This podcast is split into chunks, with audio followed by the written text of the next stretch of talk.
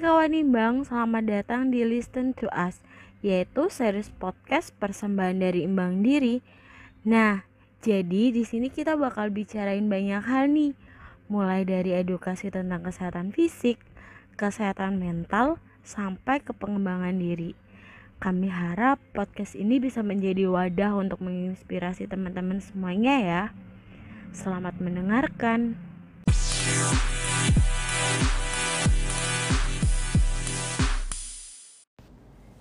Hai teman-teman imbang diri, perkenalkan aku Phoebe. Aku adalah seorang mahasiswi Fakultas Psikologi di salah satu universitas di Jakarta. Nah, aku harap teman-teman yang lagi denger ini semua dalam kondisi yang baik ya. Nah, pada kesempatan kali ini aku pengen banget share ke teman-teman tentang pengalaman aku sebagai seseorang yang memiliki kondisi mental yaitu panic disorder. Nah, apa sih panic disorder ini mungkin banyak teman-teman yang masih belum uh, tahu atau belum pernah dengar tentang kondisi mental ini. Jadi, panic disorder itu adalah gangguan panik yang merupakan salah satu bagian dari anxiety disorder atau gangguan kecemasan.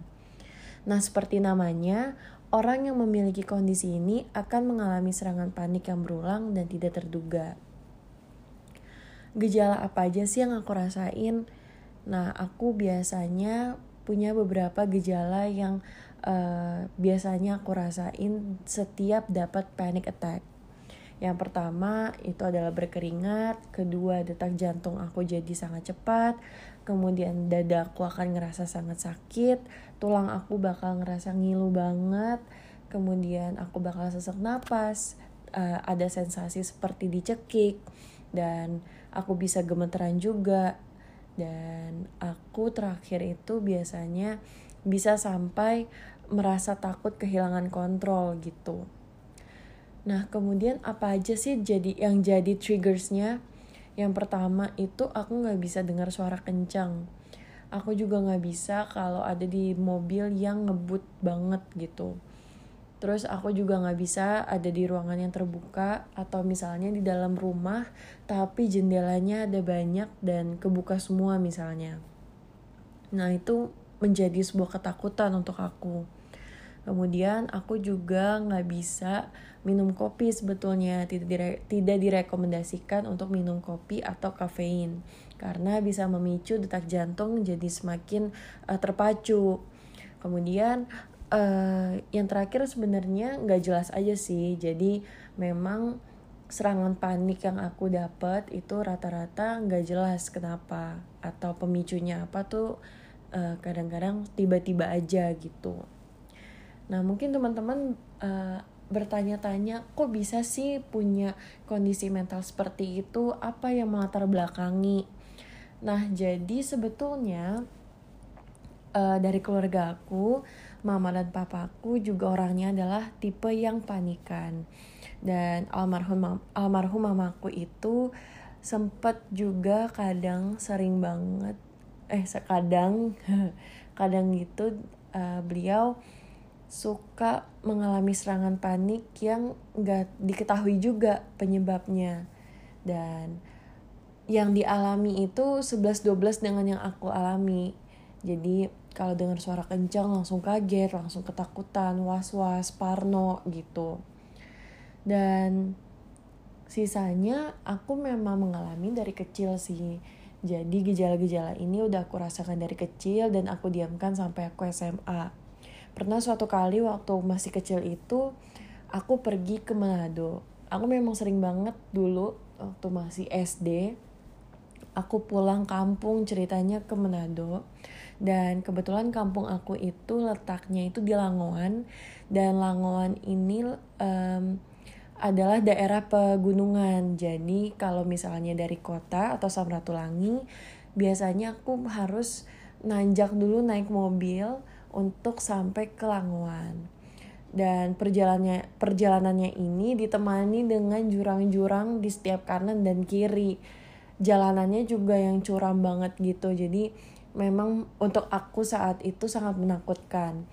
Dan pada waktu itu setiap kali aku menempuh perjalanan uh, di tempat seperti itu aku akan ngerasa panik dan histeris. Aku ketakutan aku ngerasa akan mati mobilnya akan jatuh uh, mobilnya bisa meledak ketabrak dan hal-hal seperti itu. Jadi karena dan karena uh, mama aku papa aku dan uh, keluarga aku masih tabu dengan hal tentang kesehatan mental dan lain sebagainya mungkin gak aware dengan kondisi yang aku alami pada waktu masih kecil itu. Jadi dibiarkan aja dan akhirnya aku terbiasa untuk menutup mata dan menutup telinga aku. Biasanya aku paksa untuk bisa tidur gitu walaupun sebenarnya nggak bisa juga karena aku sangat ketakutan. Ya singkat cerita sampai aku udah gede aku SMA uh, eh, sebetulnya nggak parah banget selama dari SD sampai SMA itu. Tapi malah yang akhirnya membuat aku mengalami atau memiliki kondisi ini itu sejak aku SMA ini. Uh, waktu itu aku lagi di kelas 2 SMA dan pada saat itu tiba-tiba kumat lagi paniknya dan ini jauh lebih parah dari yang udah aku pernah alami. Jadi aku nggak memiliki kemampuan untuk datang ke sekolah. Aku selalu ngerasa lemes kalau datang ke sekolah. Terus bahkan untuk naik tangga ke lantai dua kelas aku aja sulit banget gitu. Aku sampai nahan nangis dan sempat beberapa kali bolos awalnya. Sampai akhirnya aku biarkan dan semakin parah.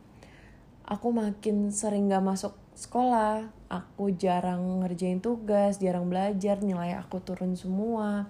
Bahkan suatu kali aku pernah datang ke sekolah masih di dalam mobil sama mama papa aku aku nggak punya keberanian untuk turun dari mobil dan jalan ke kelas aku. Aku tiba-tiba ngerasa sangat takut dan akhirnya aku nangis. Pas aku nangis itu aku bilang ke mama aku pengen langsung pulang aja. Dan ya pasti mama marah. Akhirnya kita sampai berdebat dan mama memutuskan untuk bawa aku pulang. Dan sepanjang perjalanan aku cuma nangis kita berdebat nangis lagi dan lain sebagainya. Sampai akhirnya aku di poin di mana mama pengen pindahin aku ke sekolah lain di dekat rumah.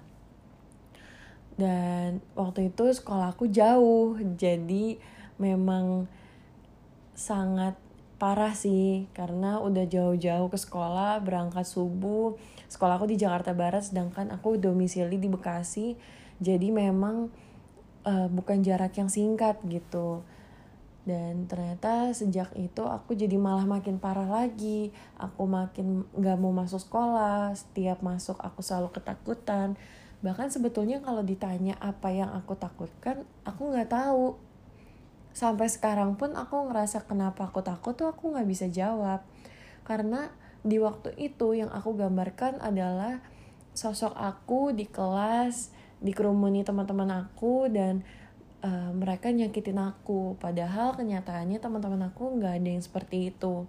Nggak ada bullying di sekolah aku. Dan itu memang cuma di pikiran aku aja. Dan pikiran ini sangat membahayakan aku gitu. Sampai akhirnya aku memutuskan untuk uh, pergi ke psikolog di tahun 2019 aku pergi ke psikolog dapat izin juga dari orang tua. Walaupun memang sebetulnya uh, mama dan papa itu nggak pernah yang benar-benar mendukung tapi nggak pernah benar-benar yang me meremehkan aku pergi ke psikolog. Jadi ya 50-50 gitu. Mungkin karena masih merasa asing dengan psikolog dan apalagi anaknya pergi ke psikolog gitu. Jadi aku mulai ke sini makin bisa mengerti si kondisi di waktu itu. Singkat cerita, aku pergi ke psikolog, dapat 6 sesi konseling, dan sesi ke-6 konseling itu aku didiagnosa oleh psikolog memiliki panic disorder. Nah, waktu aku didiagnosa itu, aku ngerasa aneh, aku nangis, dan aku gak bisa nerima apa yang terjadi. Aku nangis di depan psikolog aku. Dan sebetulnya sampai saat ini aku bercerita di sini aja memiliki kondisi seperti itu tuh merupakan hal yang sulit masih sangat sulit untuk dihadapi. Apalagi kalau misalnya panic attacknya kambuh tiba-tiba wah itu aku benar-benar gak bisa produktif aku gak bisa berfungsi sebagai uh, seorang individu gitu. Aku gak bisa bangun dari kasur gak berani keluar kamar aku akan mengurung diri di kamar. Aku sering banget cancel uh, janji dengan orang aku sering gak datang ke kampus juga bahkan. Dan lucunya waktu sebelum kita covid ini setiap uh, mata kuliah aku selalu dikasih jatah tiga kali absen. Dan semuanya dari semester 1 sampai semester 2 pertengahan itu udah habis tiga absensi itu udah aku habisin dan tiga-tiganya itu bukan karena aku sakit tapi lebih karena panic attack aku kambuh. Dan malah setiap kali aku sakit aku selalu akan paksa masuk supaya absennya nggak kebuang percuma menurut aku. Ya untungnya aku berkuliah di fakultas psikologi dikelilingi dengan dosen dan uh, teman-teman juga lingkungan yang memang aware dengan kesehatan mental. Jadi meskipun aku struggle aku masih ngerasa lebih aman dibanding di fakultas lain yang aku takutkan nggak bisa atau belum bisa ngerti tentang kondisi mental aku gitu. Jadi memang aku sangat bersyukur banget bisa masuk fakultas psikologi. Dan ya setelah itu aku sampai saat ini masih terus berusaha untuk menerima diri aku memiliki sesuatu yang unik atau lain dari orang lain gitu. Walaupun sebetulnya berat juga untuk aku uh, memiliki sesuatu yang sebetulnya tidak orang lain miliki gitu. Dan berkuliah di fakultas psikologi ini sebetulnya bisa jadi sarana aku untuk tanda kutip berobat jalan dan kebetulan lewat apa yang aku alami ini aku jadi bisa mengedukasi orang lain tentang kesehatan mental. Dan aku bisa menguatkan teman-teman yang mungkin sekarang lagi dengerin podcast ini yang mungkin juga lagi mengalami hal yang serupa dengan aku. Bukan cuma di lewat uh, podcast ini aja aku juga termotivasi banget untuk ngebantu teman-teman lain yang ada di luar sana yang nggak tahu harus apa nggak tahu mereka kenapa dan nggak tahu harus seperti apa menghadapi hal-hal yang lagi mereka rasakan. Jadi aku benar-benar sedang berusaha untuk memakai apa yang aku kira adalah kelemahan aku, apa yang aku kira adalah hal yang aneh sebagai sesuatu yang bisa jadi berkat untuk orang lain, sesuatu yang bisa bermanfaat dan membawa dampak positif bagi orang lain. Aku memang masih struggle banget dengan kondisi aku ini, tapi aku mau kondisi aku ini ya balik lagi bisa jadi berkat untuk orang lain. Salah satunya ya dengan sharing seperti ini. Siapa pun kalian dan di mana pun kalian, aku cuma pengen bilang sebagai akhir kata dari uh, cerita aku hari ini kalau kalian merasa sedang berjuang dengan kondisi mental apa pun aku harap kalian masih mau bertahan sedikit lagi bareng aku supaya kita bisa sama-sama berjuang dan kita bisa saling mengingatkan dan menguatkan satu sama lain. Aku tahu kita nggak saling kenal, kita berada di tempat-tempat yang berbeda, tapi aku percaya aku bisa bantu menguatkan teman-teman semua lewat podcast aku dan teman-teman bisa menyalurkan kembali uh, support aku dari podcast ini ke teman-teman yang lain gitu. Aku tahu ini berat. Aku tahu perjuangan kita ini pasti berat banget gak sih? Memiliki sesuatu yang berbeda dan harus kita hadapi setiap hari itu pasti susah banget. Apalagi aku uh, memang hampir setiap hari itu pasti panic attacknya kambuh. Dan dalam sehari bisa 5-6 kali kambuhnya. Ada alasannya ada juga yang tiba-tiba aja dia pengen datang gitu dan menurut aku itu sangat melelahkan aku nggak tahu uh, kondisi teman-teman seperti apa tapi aku tahu yang aku tahu adalah semuanya pasti berat untuk dihadapi sendiri. Dan aku ngerasa it is very fine if you want to stop once in a while. Jadi gak masalah kalau teman-teman pengen stop sebentar, pengen stop berjuang sebentar karena pasti capek tapi aku harap teman-teman nggak lupa untuk terus jalan lagi. Nggak lupa untuk terus bergerak untuk terus berjuang untuk terus um, jadi impact buat orang banyak lewat apa yang teman-teman uh, punya. Dan untuk teman-teman yang mungkin saat ini ngerasa memiliki gejala-gejala yang serupa atau memiliki gejala-gejala lain dan sedang berada di kondisi yang gak baik, aku aku cuma pengen bilang kalau it's okay to seek for help. Gak masalah untuk uh, minta bantuan sama orang lain. Karena gak semuanya harus kamu tanggung sendiri. Gak semuanya harus diselesaikan sendiri. Banyak orang yang willing untuk bantu. Dan kita gak akan pernah tahu kalau kita gak seek for help jadi aku juga pengen bilang untuk jangan ragu untuk pergi ke psikolog. Jangan ragu untuk ceritain problem kita. Dan aku pengen supaya teman-teman nggak self diagnose. Kalau misalnya teman-teman lihat ada gejala-gejala yang serupa dengan yang teman-teman alami, akan lebih baik kalau teman-teman konsultasikan dulu ke psikolog atau ke profesional supaya nggak self diagnose dan jadi salah diagnosa. Dan akhir kata aku cuma mau bilang makasih banyak untuk imbang diri karena udah ngasih banyak platform, udah ngasih banyak pintu-pintu kesempatan untuk kita semua audiens untuk punya kesempatan bersuara tentang kesehatan mental terutama karena aku juga udah ngikutin banyak banget uh, seminar-seminar dari imbang diri selama covid ini dan aku ngerasa sangat mendapatkan banyak hal positif lewat itu semua. Jadi aku sangat berterima kasih terutama sekarang imbang diri udah menyediakan platform podcast untuk kita bercerita secara bebas tentang kesehatan mental tentang uh, well-being tentang positive emotion dan positive psychology. Banyak hal pokoknya.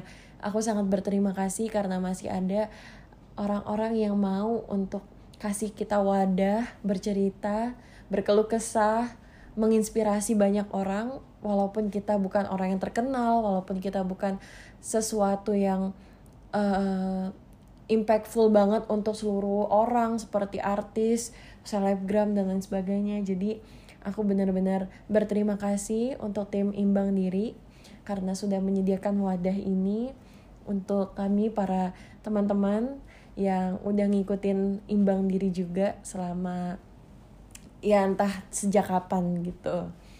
Ya ini ceritaku maaf kalau misalnya berantakan banyak salah ngomong belibet karena memang ini pertama aku ngomong kayak gini cerita kayak gini jadi aku harap teman-teman memaklumi.